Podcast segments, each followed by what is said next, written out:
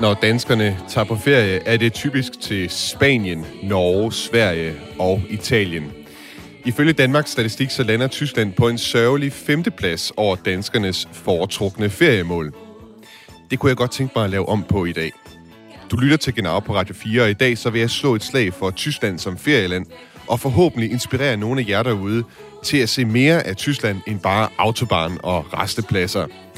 Jeg har selv det, købt det, som man kalder en øh, 9 euro billet i Tyskland for tiden, hvor jeg en hel måned kan køre med regionaltog og offentlig transport i form af busser og ubaren for kun 9 euro i Tyskland. Altså for en hel måned kan jeg køre med regionaltog.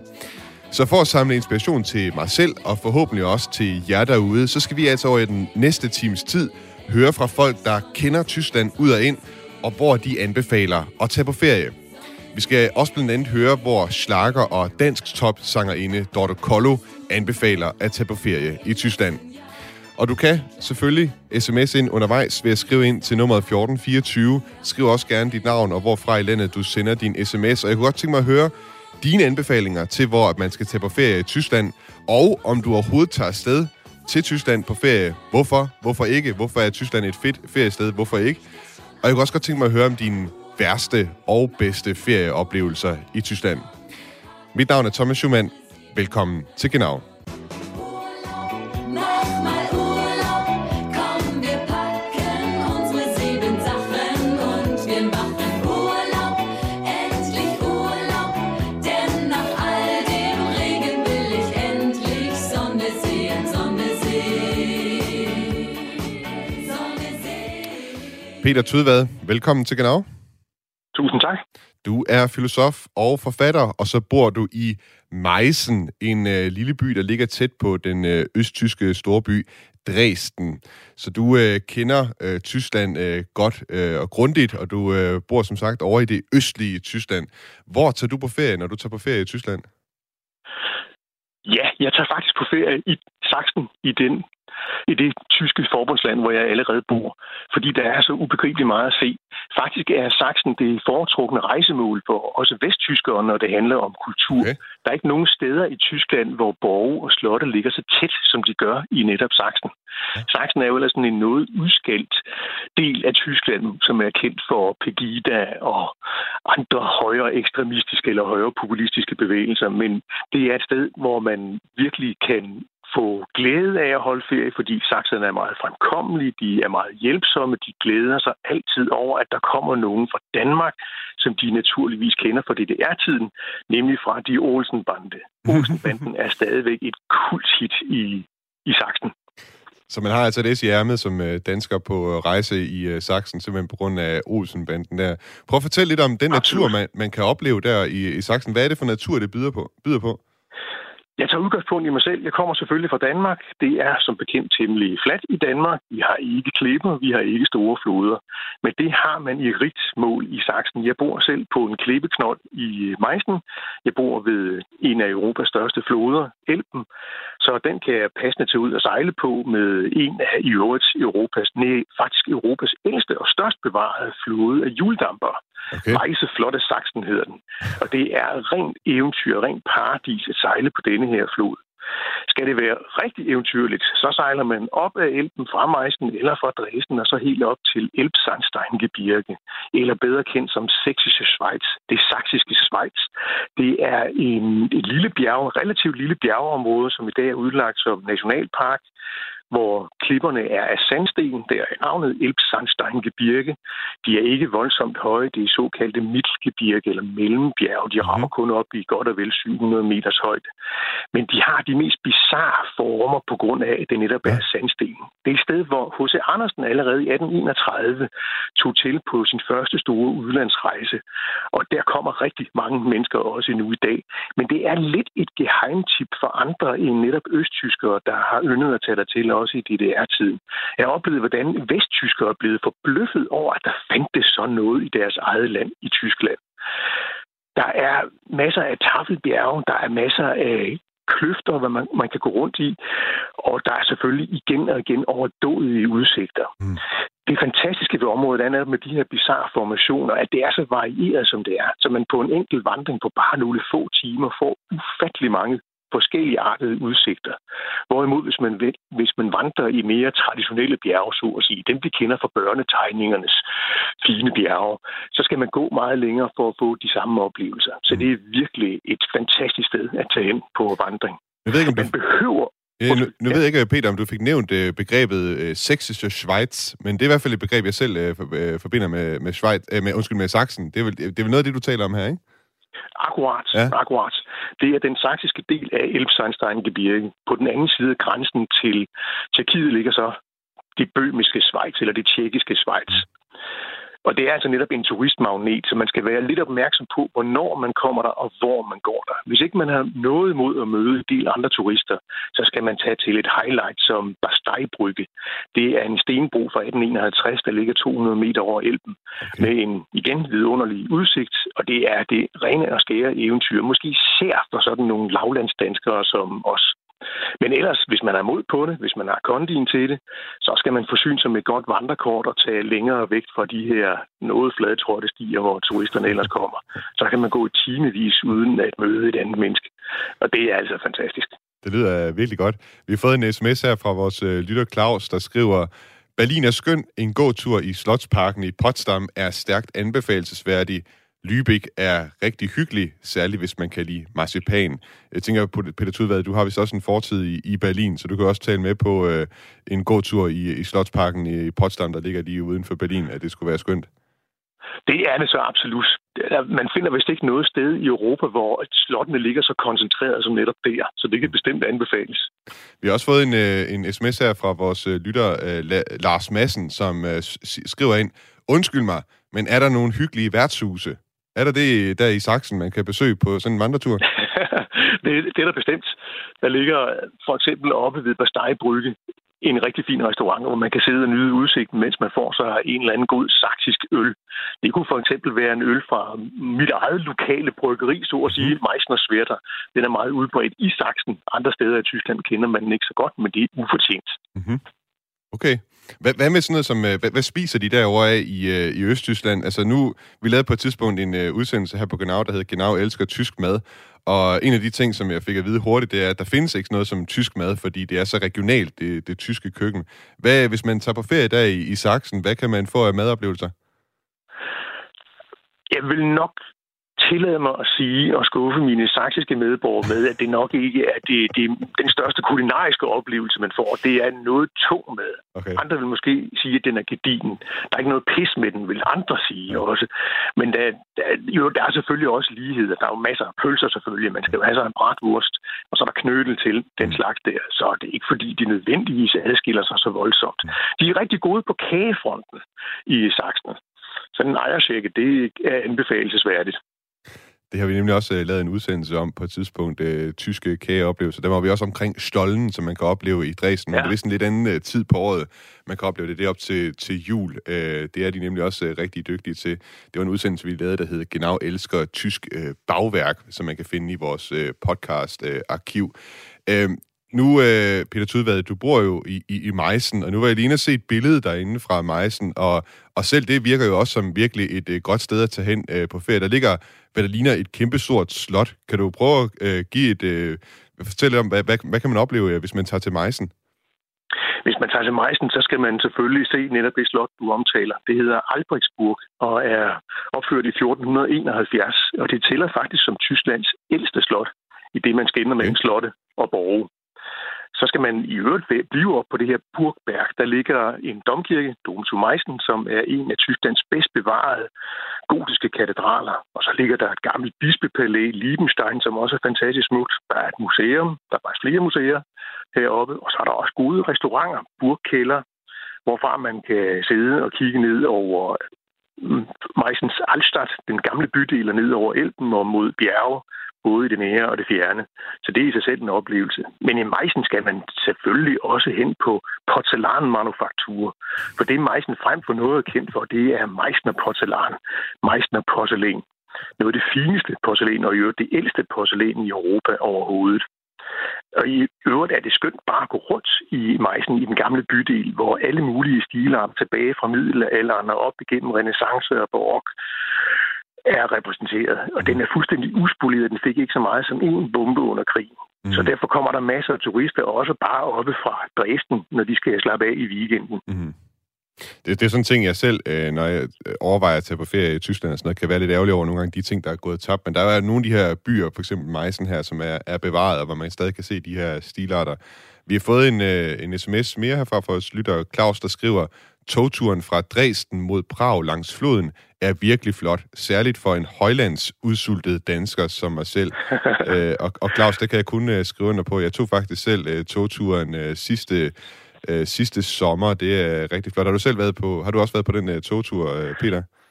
Den har jeg været på utallige gange. Jeg tror faktisk efterhånden, jeg er oppe på 100 eller lignende. Og jeg har haft den samme oplevelse som lytteren her da jeg første gang blev opmærksom på Elbsandsteingebirge. Jeg boede i Berlin dengang, jeg skulle til Prag for at lave noget research. Jeg anede intet om Elbsandsteingebirge eller Sächsische Schweiz. Og pludselig kommer jeg så futtende der forbi Dresden og Pirna og kører ind i de her bjerge, hvor, hvor floden slynger sig imellem. Og toget må selvfølgelig følge den rute, som, som floden nu har, engang har udstukket. Mm. Og det er virkelig eventyrligt at køre der. Mm. Jeg var forbløffet, sad med åben mund og polyper hele vejen. Mm. Det var lidt, lidt samme oplevelse, jeg også havde, da, da jeg selv kørte turen der sidste sommer. Øh, Peter, vi bliver jo også nødt til selvfølgelig, der, der må også være noget malurt i, i bæret her. Hvad har været nogle af dine øh, værste oplevelser, du har været ude for, når du har været på ferie i, øh, rundt omkring i Sachsen? Jeg kan faktisk ikke komme i tanke om ubehagelige oplevelser. Kun noget, som bekræfter fordomme, der desværre er et vist hold i. Hvis jeg eksempelvis er ude og vandre, så kommer sakserne mig altid glade i møde og vil gerne snakke med mig og høre, hvad jeg synes om det eller hin, når de anbefaler mig noget, jeg kan se. Og så på et eller andet tidspunkt, så kommer de gerne ind på et af deres yndlingstemaer. Det er noget med de fremmede, og hvilken belastning det er, og hvor tyvagtigt det er, hvad ved jeg. Men det er ikke noget, der er gået ud over mig personligt. Så jeg kan virkelig kun give den varmeste anbefaling til folk om at tage til Dresden eller andre steder i Sachsen. Man bliver mødt med stor fremkommelighed. En af de ting, jeg har hørt omkring øh, Østtyskland, det er, at der er også er nogle af de her små byer nogle steder, som er noget faldefærdige og noget sådan nedkørte efter, at, øh, efter murens fald. Øh, er det noget, du har oplevet også øh, på dine ture rundt omkring i Sachsen? Det er det i høj grad, og den sammenhæng, der adskiller Meissen sig fra andre byer, som har nogenlunde den samme størrelse, eventuelt er mindre. I andre byer, der er det ofte sådan, at ved øjeblik den sidste butik er lukket i byen, så virker byen fuldstændig uddød. Der er simpelthen ikke nok liv til, at man får indtryk af, at der er noget at komme efter. Og det er synd og skam, for kulisserne er fantastisk smukke, også selvom store dele af dem stadigvæk er noget forfaldende. Men der arbejdes jo i hjertet på at få renoveret, hvad der skal renoveres. Mm-hmm. Peter Tudvad, for, før vi lige runder af for dig her, lad os lige komme med den opsummere, hvad skal man sige, anbefalingerne her. Så man skal tage på vandretur øh, rundt omkring i, i bjergene der i øh, Sachsen, i det saksiske, saksiske Schweiz. Og så skal man egentlig se, øh, se slottet i, i Meissen, og øh, hvad er der ellers, man skal opleve, hvis man skal tage til Sachsen? Lad mig komme med det aller sidste tip. Man skal tage til Øjbien. Det ligger i Oberlausitz, altså en del af Sachsen. Det er en gammel borg fra det 13. århundrede, siden udbygget af den store bøhmiske konge og tysk-romerske kejser Karl den 4. Siden omlagt til et kloster med en klosterkirke. Det hele henligger som de mest romantiske ruiner i dag. Det er et sted, hvor Kasper David Friedrich har været. Det hedder som sagt Øjbien. Jeg har aldrig været noget sted, der var så romantisk, ganske enkelt, så derfor kommer jeg der hyppigt. Peter Tudvad, rigtig mange tak for, at du vil være med i øh, Genau i dag. Velbekomme. Altså filosof og forfatter og også indbygger i den lille by Meissen, der ligger ikke særlig langt fra Dresden.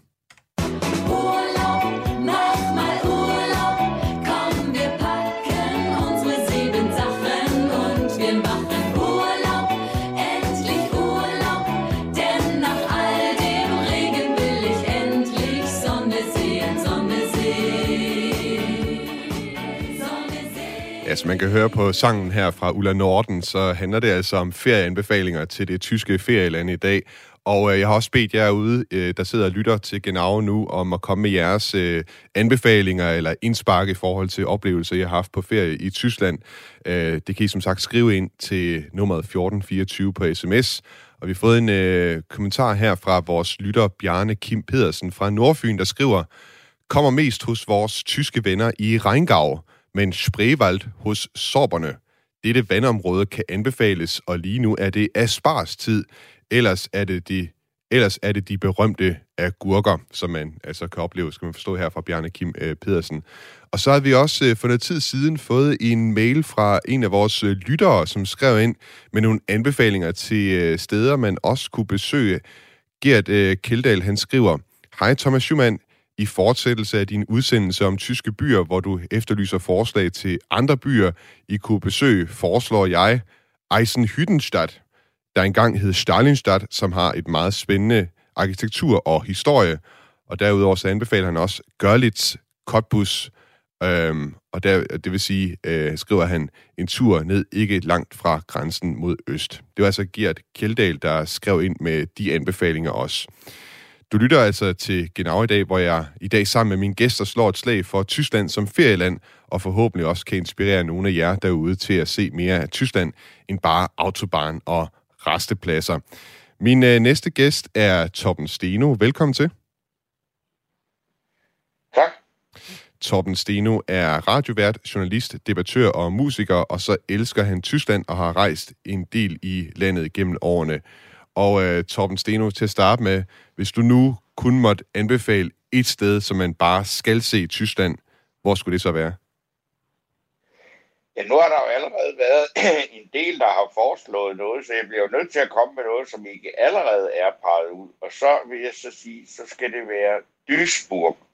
Duisburg? Det er en by på, ja, det er en på- by på øh, godt en halv million indbyggere, og der er nu er vi helt over i vest, altså så tæt på Holland, som vi kan, næsten kan komme. Ikke? Okay. Og øh, der har jeg faktisk haft en uges øh, ferie, hvor jeg havde lejet sammen med min frue et øh, hotelværelse lige ud til der, hvor, øh, hvor altså ud til Rhinen, og hvor Neckarfloden øh, løber ud i Rhinen, og hvor, hvor vi har øh, Europas største indlandshav. Og hvis man, øh, altså, jeg kan også høre på de andre, der snakker om turisme, at alt turisme i vores dag, det handler om at anbefale et sted, hvor de andre ikke er. Ja. Øh, altså, der er ikke noget, der man som turist hader mere end turister. Og, øh, og der bliver færre og færre steder, hvor de ikke er. Øh, men, men det kan jeg varmt anbefale Duisburg, fordi det er sådan et sted, folk synes, at hold da op, der er simpelthen så forfærdeligt, der kunne vi da ikke tænke os at være. Men der sad jeg øh, en hel uge på, øh, med min frue der på et øh, meget billigt hotel på en balkon, hvor personalet varede os op, fordi der var ikke stort set ikke andre gæster end os. Og vi lavede egentlig ikke ret meget andet end at sidde og kigge på trafikken med de her enorme, meget lange øh, flodpramme, ikke? Fordi altså Rhinen er jo, øh, hvad skal man sige, Europas øh, øh, vigtigste vandvej, og har været det jo langt før vi havde andre transportmidler end, end floderne. Og der kan man sådan se, øh, der, så kommer der en, en, altså naturligvis en tysk med tysk flag, men så kommer de jo altså også fra Holland og Belgien og Polen og alle de lande, der ligger omkring Frankrig, for, altså, øh, er, er jo afhængige af den her vandvej. Og det er enormt interessant at kigge på, fordi skibe, flodpram er trods alt alligevel lidt mere æstetisk interessante end lastbiler. Mm-hmm. Og så kan man jo så finde en app, og så kan man finde, når den der, den skal med skråt øh, øh, sydpå, når den der skal det og der, ikke? Og dem, der skal mod strømmen, jamen de sejler selvfølgelig langsommere end dem, der, skal, der kommer med strømmen. Okay. Og så kan man se noget øh, håndværk i, når man skal øh, sådan en meget lang flodpram, når den skal rundt om et hjørne. Øh, det, det er altså noget, det er ret interessant at kigge på, øh, hvis man er til sådan noget. Og der er ikke nogen turister, for Duisburg er bare simpelthen noget af det mest, øh, altså hvad skal man sige, øh, mislykket, tror jeg, at man kan forestille sig. Den er i hvert fald ikke gået fri af øh, 2. verdenskrig, fordi det var, den lå jo så langt vest på, at det var et af de første steder, som britterne kunne virkelig give nogen, øh, noget på Ikke? Så øh, der er ikke meget tilbage af det. Til gengæld er, var det jo en, en meget afgørende by også, altså dengang, at, at Ruhr virkelig var, altså det var kul, og det var stål og alt det der. Og der er der nogle fi, et fint museum over øh, dengang, man var noget med musikken, og man var øh, kul- og stålarbejder alle sammen. Okay. Der er simpelthen en anbefaling her til et af de mindst populære steder, som, øh, som hvad skal man sige, turiststeder i, i Tyskland her. Jeg synes, det lyder herligt. Jeg ved, det er noget, min, øh, min far, han garanteret også vil synes var, var spændende at komme ned og se. Han har selv øh, sejlet på floderne nede i Tyskland, og jeg har tit blevet slæbt med på mange, øh, hvad skal man sige, havne rundture og sådan noget, at se øh, trafikken og hvilke skibe, der kommer ud og ind, øh, når vi har været på ferie og, og så. Ja, så, så selve øh, altså Duisburg Havn er den her kæmpe indlandshavn. Altså en øh, rundvisning, eller hvad hedder Nej, ikke en rundvisning, hvad hedder det? Altså, Havnerundfart. Det er, det er altså, øh, ja, for, for os som ikke engang, altså, hvor, hvor den største flod hedder Gudenåen, der er det altså ret vildt, at man befinder sig inde midt i landet, så ligger der en kæmpe havn. Prøv, prøv en gang, Og Torben, det, det, det, Ja, Torben, prøv en gang at beskrive. Ja. Du, du sidder der på, på balkongen sammen med din, øh, din frue og kigger ned over den her Europas største indlandshavn. Prøv lige, øh, kan du, kan du male øh, for os et billede af, hvordan, øh, hvordan havnen den ser ud deroppe fra balkongen? Jamen altså, det, det, det er jo, øh, altså nu, det er jo et, et trafikkryds, det hvor vi havde, altså hvor den ene flod, den mindre Neckar-flod, løber ud i Rhinen, ikke?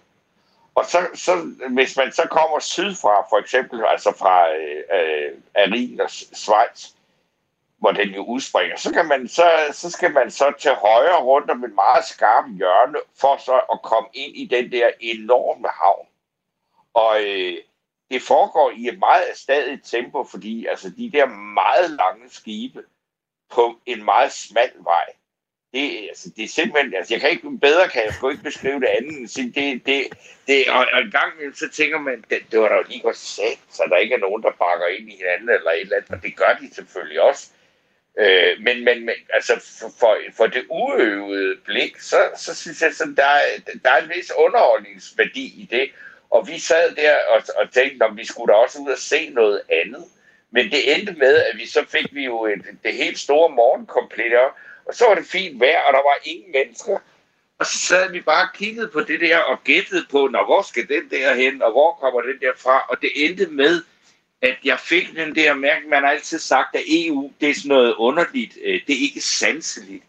Men det, der hedder Kul- og Stålunionen, som var, var, jo, øh, som var, var det der forløberen, som det, der bliver til EU i dag, det er så tydeligt at se, hvorfor at det er nogle idéer, der er affødt af de lande, fordi Holland, Belgien, Luxembourg, øh, Frankrig og Tyskland, og så sammen med Italien, er jo de, hvad skal vi sige, grundlæggende medlemmer der. Og der kan man simpelthen se, at det vil være så dumt at gå i krig med hinanden igen. Fordi de er så tæt forbundne, de her. Så, så det er sådan et sted, hvor, hvor, hvor en politisk konstruktion bliver sanselig. Det er simpelthen, du kunne se meningen, essensen af kul- og stålunionen og det europæiske samarbejde. Det kunne du simpelthen se for dine øjne der fra, fra balkongen. Ja, altså det, det som danskere ikke kan se, ja. men som øh, man i de der grundlæggende altså, lande kan se, det, det, er, det, det tror jeg, det er en bevidsthed, som folk i de områder har. Der, der er man jo heller ikke ved at melde sig ud eller stemme sig ud hele tiden. De har haft nogle folkeafstemninger bevares, men, men de er fuldstændig øh, på, på det rene med, at, det med at, at de handler med hinanden, og de er så tæt forbundne. Og efter 2. verdenskrig, så måtte man gøre et eller andet for at cementere det. Det, du, du lyder meget, meget begejstret, når du taler om, om Duisburg her og den her store indlandshavn. Er det, er det, Ja, jamen, det er, og jeg er det synes jo, det gode ved at rejse i Ty- Tyskland, det er, man skal jo ikke, man, når man skal ud og rejse, så skal man jo ikke bare gå efter det smukke. Man skal også gå efter det grimme, fordi det, det smukke, det bliver jo meget, meget mere interessant, hvis det grimme også er der. Ja. Og det kan Tyskland altid byde på, og der ligger jo altid et eller andet øh, afsigtigt hæsligt og et eller andet tragisk, øh, et eller andet nazi-monument. Eller man kan altid læse et eller andet, eller øh, gå på et museum og se noget om nazitiden, men ja. du kan jo netop også i Ruhr se noget om øh, den europæiske øh, eller Wirtschaftsbund og alt det der fra. Og det er jo sjovt, at, Mm. at øh, Nordrhein-Westfalen, som er den største delstat, Mm. at den, øh, som jo også var vel, men det er jo der, hvor, vi sige, hvor afindustrialiseringen virkelig har gjort ondt. Ikke? Så, så Duisburg er også en, en by med masser af sociale problemer, der er beskidt. Og, altså, og det gør jo, der er spændende. Tom, Tom Steno, jeg kan, jeg kan Ja. mærke uh, begejstringen, og jeg tror også, at folk derude uh, virkelig har kunne mærke det her uh, begejstringen og anbefalingen til at tage til Duisburg. Tak fordi du var med og delte uh, det ferietip uh, med os. Det var så lidt altså radiovært, journalist, debattør og musiker, øh, som har en del øh, hvad skal man sige, erfaringer med Duisburg øh, her i øh, udsendelsen. Nu er der nyheder på Radio 4. Urlaub,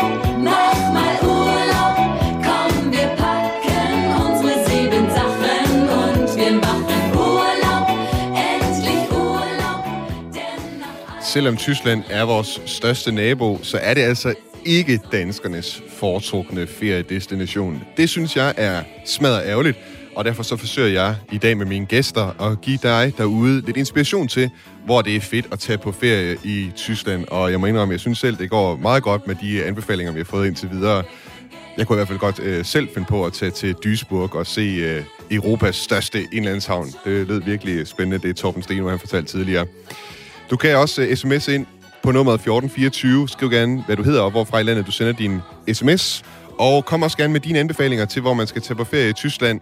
Og øh, også om du i det hele taget tager på ferie i Tyskland. Hvorfor? Hvorfor ikke? Hvorfor er Tyskland et øh, fedt øh, ferieland at tage på ferie i? Eller hvorfor undgår du at tage på ferie i Tyskland? Det kunne jeg godt tænke mig at høre, hvis du skriver ind til nummeret 1424. Du lytter til Genau på Radio 4.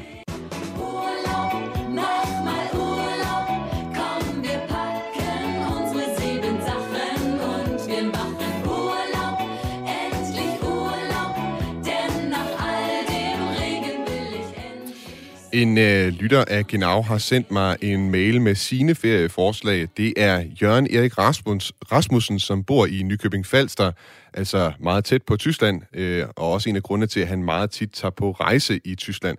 Og han øh, skrev til mig en mail øh, følgende. Det her er blot nogle bud på måske lidt oversete østtyske byer, og så skriver han, fra nord mod syd, der er Rostock, Schwerin, Altona, Potsdam, Leipzig, Dresden. Og jeg er sikker på, at øh, Jørgen Erik Rasmussen han også kunne nævne øh, mange flere, for jeg talte faktisk øh, senere med ham i telefonen om en rejse, han selv var på tilbage i 80'erne, og der havde han en øh, meget fin øh, og finurlig historie fra en tid, øh, som man så ikke kan opleve mere, fordi det var tilbage i 80'erne. Det var da muren stadig stod, og han øh, var øh, bag jerntæppet i Dresden. Og her der havde han altså en noget unik oplevelse, som jeg gerne vil dele med jer vi står ved, ved et sporvognsstopsted, og, og, og skal prøve at finde ud af, hvordan vi kommer videre rundt i byen. Og så kommer der to, så er der to unge piger, som, øh, som ser, at vi kommer ud fra og ligner nogle turister. Spørger, om de vil have et par billetter til, til, øh, til noget dukketeaterfestival. festival Okay. Og det kendte de jo ikke fra Danmark, det er jo der ikke tradition for, men det er jo i Mellem- og Østeuropa, øh, er der jo en stor tradition for dogteater, men det vidste jeg ikke noget om på det tidspunkt, så, så ja, jo, det kunne man godt, og så var vi høfligt at tage imod det, øh, kan man sige, ikke? fordi hvad var nu det for noget, ikke? Så siger han, hvordan kommer vi derhen? Jamen, det, det er lige tre stop med sporvognen der, så, så, så, så er det, nå, og vi hoppede på sporvognen der, vi kom derhen, og vi fik også bare de der billetter af dem, ikke? Så, så kommer vi derhen, og vi tænker, at det er nok måske lige i en baggård, så er der et lille hus, og sådan noget, nogen, der spiller lidt dukteater. Mm-hmm. så, men det var i virkeligheden sådan et stort øh, kongreshus, øh, Hygiejnemuseum, tror jeg, det, det, det hedder, øh, som ligger midt inde i byen, og, og der var en mega kø, der stod i kø for at komme ind og se det. Og så viste det sig, at det var lederen af Moskvas dukteater, øh, cirkus, som optrådte derinde, og som var åbenbart en kæmpe, kæmpe kanon øh, inden for det der område øh, med dukketeaterspil. Og folk, de stod i smoking og alt og vi kom i bare et par shorts og en t-shirt og sådan noget. Og, og, der kom ikke til vi de to, to forreste pladser midt på. Hold Og der sad vi stået inde i den der kæmpe sal der. Og det var så fantastisk. Og han kunne spille dukteater bare med fingrene. Du ikke engang en duk på, så forstod man selv, om det var russisk. Det var en fantastisk oplevelse. Både det at se det og opleve det en anden kultur, men også at øh, de her fire, der var jo ikke noget med, at vi på nogen, de, de kendte os ikke, de havde ingen kontakt til os efterfølgende, de fik det heller ikke efterfølgende. Så på ingen måde var der noget, der lå til hensigt for, og det, de var bare venlige og gav en mulighed. Det var, det var menneskeligt set, menneskeligt kulturelt set, nok i virkeligheden den største oplevelse. Ja, det var altså Jørgen Rasmussen, lytter af Genau, som her fortalte om sin største oplevelse på ferie i Tyskland. Urlaub, mach mal Urlaub, komm, wir packen unsere sieben Sachen und wir machen Urlaub, endlich Urlaub. Min næste gæst i dag er Philip Ostrovic. Velkommen til Genau. Goddag, Thomas. Du er Senior Research Advisor på Copenhagen Business School, og så er du øh, også øh, tidligere gæst her i Genau. Her har du været med et øh, par gange efterhånden.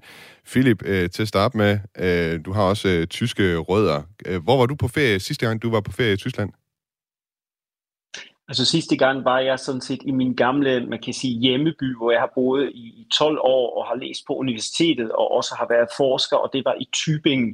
Og Tübingen er sådan en, en lille universitetsby, øh, som man slet ikke har i Danmark, ligesom Heidelberg eller Göttingen eller sådan nogle øh, andre byer. Og der, der har man 30.000 studerende øh, ud af 80.000 indbyggere. Så, så du kan forestille dig, at universitetet øh, øh, er sådan set utrolig vigtigt for den by. Og så er det en af de små byer, vil jeg sige, med 80.000, som er ikke ødelagt under krigen. Det vil mm-hmm. sige, at den står totalt oprindelig og er cirka 1000 år, år gammel. Så, så det er en meget, meget fin by også.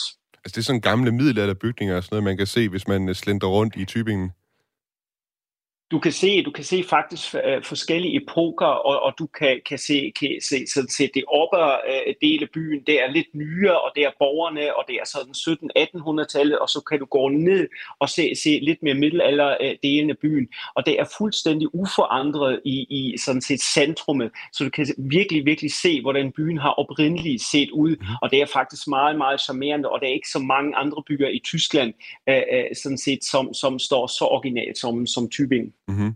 Og du var hjem, altså det var sådan, hvad skal man sige, du vendte tilbage til din, øh, til dine rødder, så at sige, til hvor du har studeret. Jeg kan ikke huske, om du sagde, om det også var der, du, du kommer fra, simpelthen øh, Tybingen. Var det, var det en god ferie, du var på der? Nej, jeg, det, det, var en, det var en rigtig god ferie. Når jeg kommer oprindeligt fra Kiel, jeg tror faktisk Leslie Holsten, så Tübingen er nok uh, en, en stor modsætning. Det ligger jo i Svarben, det er en helt anden uh, landsdel, og det var en, en, en rigtig, rigtig uh, god ferie. Og vi tager dertil også med familien faktisk ind imellem, fordi vores børn er født der, vi har stadigvæk en, en form for tilknytning, men også fordi det er en helt fantastisk by. Jeg kan, jeg kan huske, at vi holdt bryllup i, i Tübingen, og hele vores danske vennekreds og familie osv. kom dertil, og de var simpelthen, de, de, de, de synes, det var storslået, fordi de, de kunne slet ikke forestille sig, at, at Tyskland har så skønne byer, mm. og landskabet rundt omkring, det er et bakkelandskab osv., de var så begejstrede, at, at mange af dem kom virkelig flere år efter det, og tog på ferie til, til Tübingen, og det er også derfor, jeg har valgt det som, som anbefaling i dag. Mm-hmm.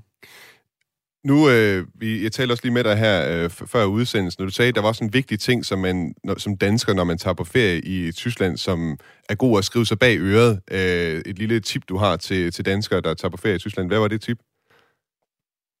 Og det er øh, sådan set altid min mest centrale tip til alle danskere. Tal nu tysk i Tyskland, eller prøv det i hvert fald.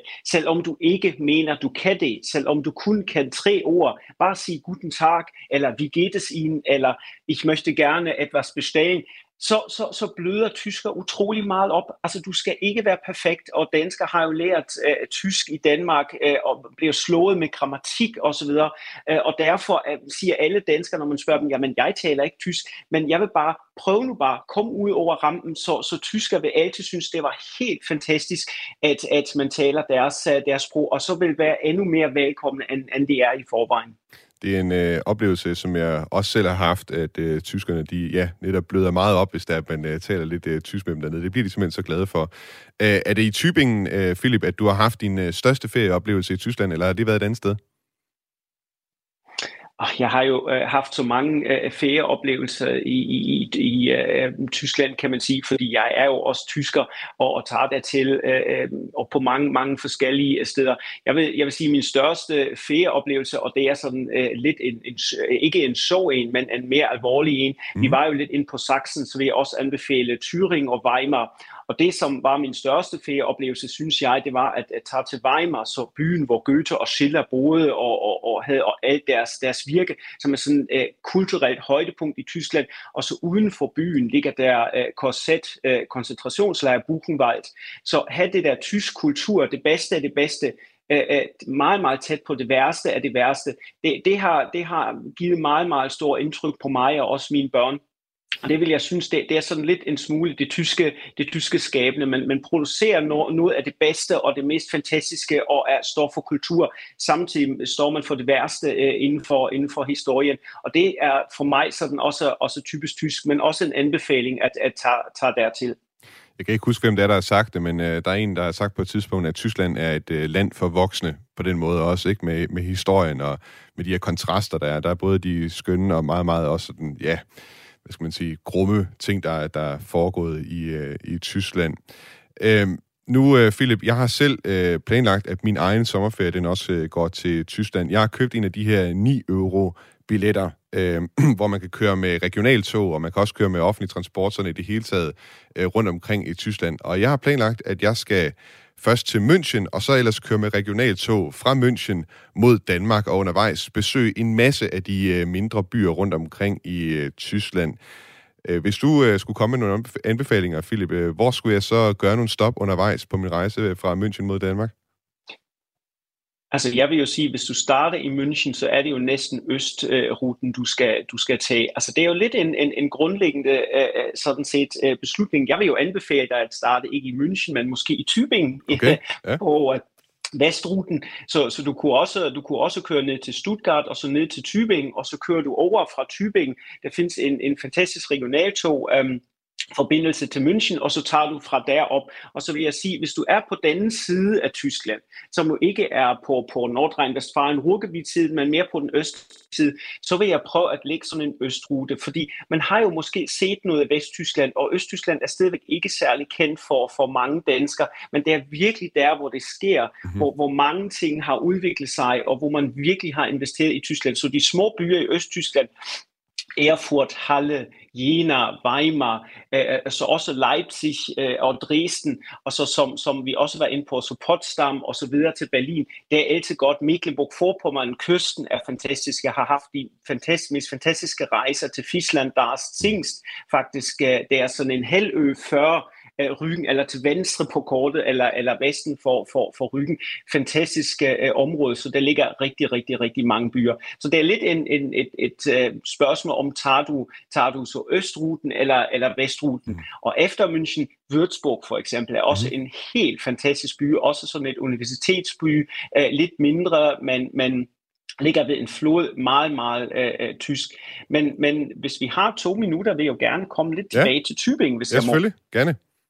Fordi altså, jeg tror, at Tübingen er jo ikke bare en universitetsby, hvor, hvor Hölderlin, øh, for eksempel den øh, store tyske lyriker, har boet, hvor du har haft øh, Schiller og Goethe på besøg, Hegel og Fichte øh, som lærer på, på universitetet.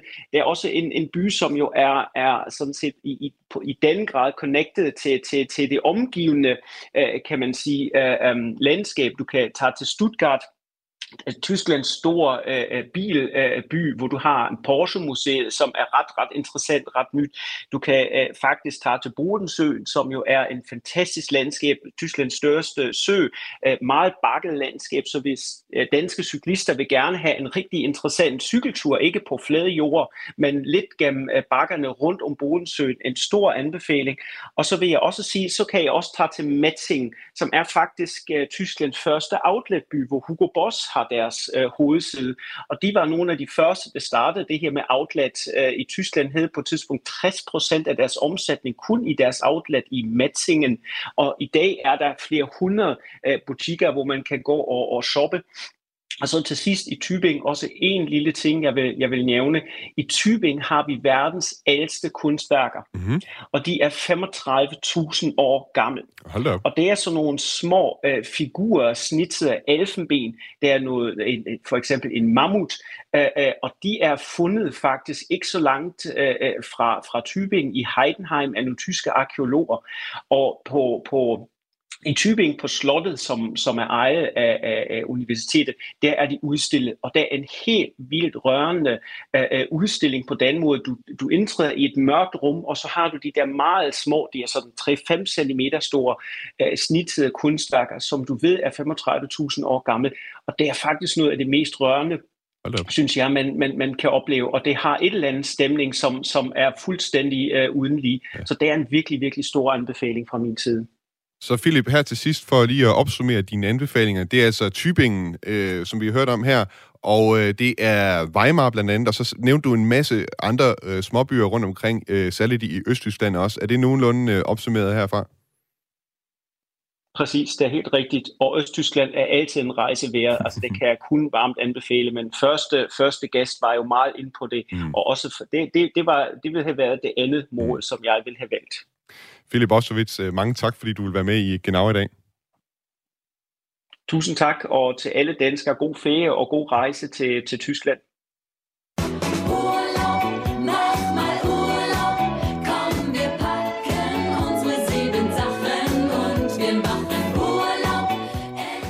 det var altså Philip Ørsovic, der er Senior Research Advisor på Copenhagen Business School, som vi hørte her tale varmt om Tybingen. Vi har fået en del sms'er fra vores øh, lyttere derude.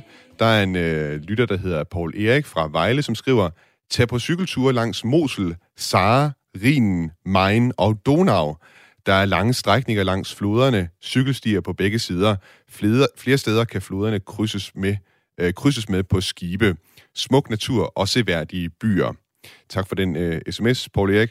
Og så har vi fået en sms her fra en, der ikke har skrevet sit navn, men vedkommende skriver, Min anbefaling, Quidling, Quidlinburg, verdensarv, 1200 bindingsværkshuse, det sted, hvor Tyskland blev grundlagt, kult sted med et flot jomfrukloster. Tak for den sms også. Så har vi fået en sms her fra Rasmus Kaiser, som skriver, Min familie og jeg tager på storbeferie i Hamburg. Hamburg ligger tæt på Danmark, og der er mange spændende, spændende ting at se, blandt andet Marinemuseet. Jeg kan også sige, øh, Rasmus, der er flere her på redaktionen her på Radio 4, som også har udset sig Hamburg som en øh, feriemål, så det er en populær destination for mange danskere også. Og så den sidste sms her fra René. Jeg husker mange gode oplevelser i Tyskland og med tyskerne. Måske fordi jeg ikke går og husker på mindre gode oplevelser, men de gode ting har været roen, roen i Kurstadt i Harzen, besøg på vingård omkring Mosel, specielt området mellem Trier og Koblenz, og de hyggelige små bryggerier i Düsseldorf, Düsseldorf Altstadt og Kaiserberg Slot ved Nürnberg. Og selvfølgelig Oktoberfest i München. München. Jeg bor i Sønderland og tager jævnligt på weekendtur i Hamburg og julemarkedet i Lübeck. Bare lidt input herfra. Hilsen René. Nu kan jeg byde velkommen til øh, min næste gæst, som er Dorte Kollo. Velkommen til Genau på Radio 4. Ja, tak skal du have, Thomas. Og tak fordi du vil være med. Dorte Kollo er for dem, som øh, ikke måtte vide det, altså slager og dansk topsangerinde. Du står blandt andet bag øh, hittet Gid du var i Skanderborg. Og øh, Dorte Kollo, da jeg lige læste op øh, på dig, jeg fandt ud af, at du er ret populær i Tyskland. Øh, hvordan slog du igennem der? Jamen, øh, det gjorde jeg jo allerede som en lille uskyldig pige. Jeg var jo ikke mere end 16 år gammel, da jeg kom til Østtyskland første gang. Øh, Bins og Frygen med min mor øh, og lavede fjernsyn, og dengang var det jo sort-hvid fjernsyn. Det var en meget stor oplevelse. Ja. Men det var også en, en, en barsk oplevelse på grundlag af, at øh, der var jo muren, der var jo Øst- og Vesttyskland, så vi blev lukket inde på et hotel der i Benz, øh, og måtte ikke gå ud, før at øh, jeg skulle til prøve på fjernsynet. Og jamen altså, men alligevel var det jo fantastisk. Men jeg ved ikke, øh, nu har jeg lyttet lidt på, på, på, på din udsendelse. Ja. Jeg har for, jeg har forstået, der er jo så mange fantastiske mennesker, som har så mange dejlige oplevelser i Tyskland at Ja. fortælle om. Jamen, jeg er spændt på at jeg høre, slet ikke, om jeg kan jamen, jeg er spændt på at høre hvad du har af anbefalinger. Jo, jo, men altså, øhm, jeg, jeg har jo så fantastisk mange. Altså, jeg bor, jeg bor jo selv i Bremen. Det ved jeg ikke, om du ved. Det vidste jeg Men, ikke. øh, nej, men jeg kan fortælle, at Bremen er jo også en meget, en meget øh, spændende turistby, øh, som jo ligger en times kørsel syd for Hamburg, ikke? Øh, og øh, ja, det var jo kærligheden, der fik mig til Bremen for 22 år siden. Og, men jeg kan jo godt lide sådan nogle mindre byer, øh, hvor der er hygge, og hvor der er ja, noget specielt. Og Bremen er jo en, en kulturærbe, øh, som vi siger, by, mm-hmm. ikke? Og den har jo en gammel, en gammel by, og, og hvis man går ned igennem en lille gade, der hedder Snore, så, så kan man jo se de mest mm, små, øh, sjove øh, huse, øh, hvor, hvor øh, fiskerne i gamle dage holdt til. Og vi har jo også den der frihedsstatue, der hedder Roland, som står lige inde øh, ved Rådhuset mm. på torvet i Bremen. Og så har vi jo stadmusikanten, du ved, fra historien fra, fra brødrene Grimm. Ja, så har vi jo fodboldholdet Werder Bremen. Så der, der er rigeligt at opleve i Bremen også. Jeg har faktisk været der en gang, øh, så vidt jeg husker, så øh, noget med, at den blev også bombet under 2. verdenskrig, men det, den indre del af byen, den gik sådan lidt, øh, den gik lidt fri. Og jeg kan godt huske den der statue, der også står inde midt i Bremen med, med de stadmusikanten, altså de her dyr, der, der står oven på hinanden, øh, inde, Ja. inde midt i Bremen. Hvor, har- hvor har du ellers øh, anbefalinger i Tyskland, man kan tage hen? jeg har utrolig mange anbefalinger. Altså, nu, nu, nu, der, nu du nævnte jo, givet du var i Skanderborg. Ja. Det er jo et kæmpe hit, jeg havde i 1900, øh, jeg tror det var 67 eller 68. Og den hed jo Værstudorfen Düsseldorf-kabinen, så dengang, der levede, ja, dengang, der levede jeg i Düsseldorf. Ja. Øhm, og Düsseldorf er jo også en dejlig by, men altså, der findes jo fantastisk mange... Øhm, altså, hvis jeg, hvis jeg skal anbefale noget... Altså, jeg tager jo gerne selv til øen Sild, Ja. fordi jeg er meget glad for, for Vesterhavet, og, og jeg er glad for noget god mad og nogle gode fisk, altså søtunger, og øh, der er jo den der kendte Zanzibar i Rantum, og, øh, og når vi er på Sid, mig og min mand, så går vi jo med vores hund langs, langs Vesterhavet, og så går vi hen til den der, der hedder Gosh fi- Fisk. Øh, øh, der er en både i List, og der er også en i... Øh, Ja, nu kan jeg ikke lige komme på, hvad det hedder, men det er også lige meget. Mm. Men altså, jeg har jo fantastiske oplevelser. Jeg har også nede i Sydtyskland, altså det første sted, jeg kom til, da jeg faktisk, efter jeg havde oplevet det i, i Bins og Frygen, der blev jeg jo så, øh, hvad skal vi sige, Shanghai til at være med til det tyske Grand Prix i Baden-Baden. Og Baden-Baden ligger jo nede i Schwarzwald. Ja. Og der er jo også fantastisk, det er jo, det er jo en kurby med, med, med for eksempel det der Friedrichsbad, det er jo så term, termalbad, og der er casino, og der er jo fantastisk flot dernede. Og øhm, altså, der, der, der har jeg mange fantastiske oplevelser i Baden-Baden. Men altså, øh, om det så er Berlin, eller Hamburg, eller München, øh, har jeg, kan jeg anbefale, altså... Øhm, Berlin var jeg jo også i mange, Ja. ja. mange, mange gange på fjernsynet dernede med de der Thomas Hæk i sin tid. Og der er jo masser af, af oplevelser med Brandenburger Tor og, og, og Rigsdagsbygningen og masser af fantastiske gallerier og skønne restauranter. Så ja, Det er nok også Ja, en af de, de der er steder, de, de fleste danskere, de, øh, de tager ind. Jeg må, jeg må indrømme, Dorte, Dorte jeg, er jo, jeg er jo helt overrasket over, at der faktisk fandtes en øh, tysk udgave af Givet du var i Skanderborg, at den hedder Wärst du doch in Düsseldorf geblieben. Jeg har faktisk lige fundet den her. Jeg synes lige, vi skal høre et, øh, en lille bid med den her. ja.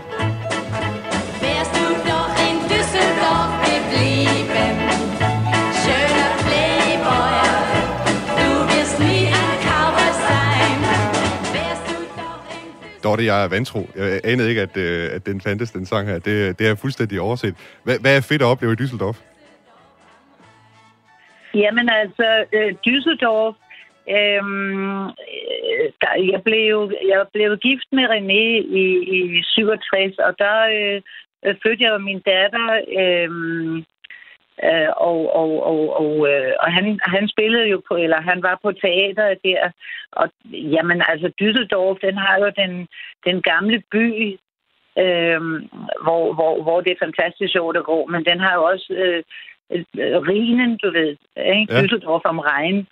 Og øhm, jamen altså, så er der Königstrasse, hvor der, hvor der er en fantastisk masse skønne forretninger, og øh, ja, altså, Düsseldorf er, er, er noget specielt, lige så vel som Køln er noget specielt også. Okay. Der er altid meget, der, der, der er altid meget at opleve der. Ja, det er også, det hører også til over i uh, Ruhrområdet, så vidt jeg ved, og der har den her særlige, Ja. hvad skal man sige, industri, uh, baggrund, industrihistorie også. Uh, du nævnte også uh, Ja. Sylt, du har også uh, været på ferie der. Jeg kan sige, uh, der har været meget i tyske medier lige her på det seneste omkring uh, den her 9 euro-billet. Der er mange punkere, der er taget til Sylt for ligesom at, at, at udnytte, at de kunne Ja. tage med 9 euro-billetten derover. Det er, og Sylt, det skal jeg Ja. sige, det er jo, det er jo sådan en, en ø, en vadehavsø, det ligesom øh, Rømø, bare meget, meget øh, større i virkeligheden. Men der har du også været en del. Ja. Jo, jamen, vi har et lille hus der i, i kampen, så vi er der jo sådan ind imellem. Øh, så derfor så øh, kender jeg jo Sild mægtig godt. Mm. Altså Sild, der skal man have en cykel, så skal man cykle rundt. Det er fantastisk. Øh, helt op til, til mod List og helt ned mod, mod, mod, mod den anden side af øen. Der, øh, men det der med de der punker der, det, det koncentrerer sig mere om Vesterland. Det er jo ikke sådan... De breder sig jo ikke ud over hele Nej, nej. øen. Men, øh, men, men det, er, det, det er jo selvfølgelig øhm, det er jo sådan lidt, lidt, lidt, lidt synd, at, at, at det skal ødelægge.